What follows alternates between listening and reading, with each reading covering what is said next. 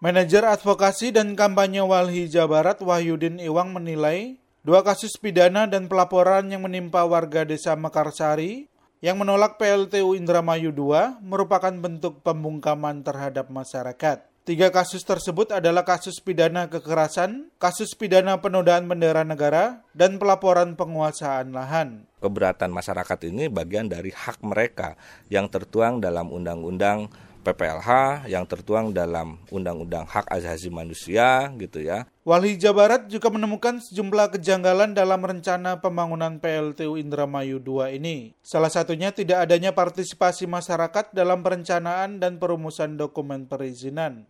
Iwang mengkritik penggunaan batu bara dapat merusak lingkungan dan kesehatan masyarakat sekitar. Contoh ini dapat terlihat dari kualitas udara di ibu kota Jakarta yang dikelilingi PLTU berbahan bakar batu bara. Wali menyebut emisi dari PLTU batubara menyumbang sekitar 20 hingga 30 persen di Jakarta.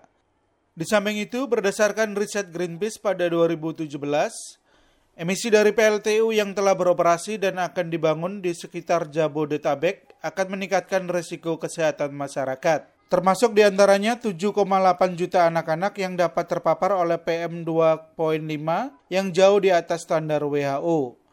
Partikulat PM2.5 adalah partikel udara yang berukuran lebih kecil dari 2,5 mikrometer.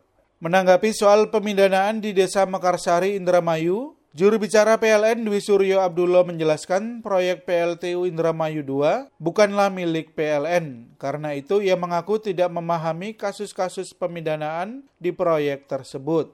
Sementara itu, Ketua Komisi 4 DPRD Indramayu M. Alam Sukmajaya telah bertemu dengan Jatayu dan meminta penjelasan kepada PLN terkait PLTU Indramayu 1 yang sudah beroperasional dan rencana pembangunan PLTU Indramayu 2. Hasil pertemuan tersebut kemudian ditindaklanjuti ke Kementerian Lingkungan Hidup dan Kehutanan atau KLHK. Beberapa isu yang menjadi pembahasan antara lain tentang pencemaran abu batubara dan antrean kapal tongkang batubara di tengah laut dan dampaknya terhadap nelayan kenapa saya lebih fokus ke PLTU satu dulu? Besar kemungkinan juga banyak persoalan.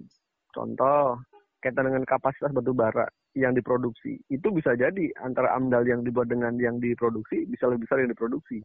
Alam menambahkan DPRD nantinya juga akan menelusuri kebenaran tentang adanya upaya kriminalisasi terhadap warga yang menolak rencana pembangunan PLTU Indramayu 2. Ia menjelaskan hasil penelusuran dan beda AMDAL nantinya akan dibuat menjadi rekomendasi untuk pimpinan DPRD Indramayu yang selanjutnya akan diberikan ke pemerintah kabupaten.